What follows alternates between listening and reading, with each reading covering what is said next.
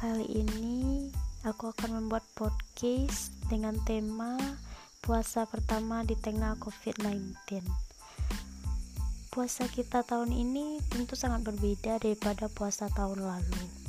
Jika tahun lalu kita puasa bisa bukber bersama teman-teman atau buka bareng keluarga di luar, sholat tarwih di masjid, dan bisa ngumpul-ngumpul dengan orang yang tersayang tapi puasa tahun ini kita dituntut untuk di rumah saja demi memutus pandemi COVID-19. Buka puasa di rumah aja, sholat tarawih di rumah aja, jaga jarak, jangan kumpul-kumpul, dan keluar rumah dianjurkan memakai masker.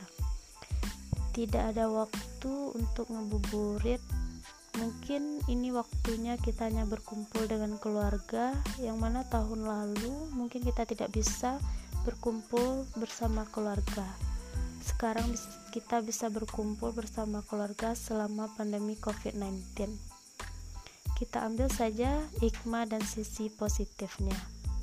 Dan untuk yang masih bekerja di luar rumah dan garda yang paling depan, kita doakan selalu sehat walafiat. Amin ya robbal alamin.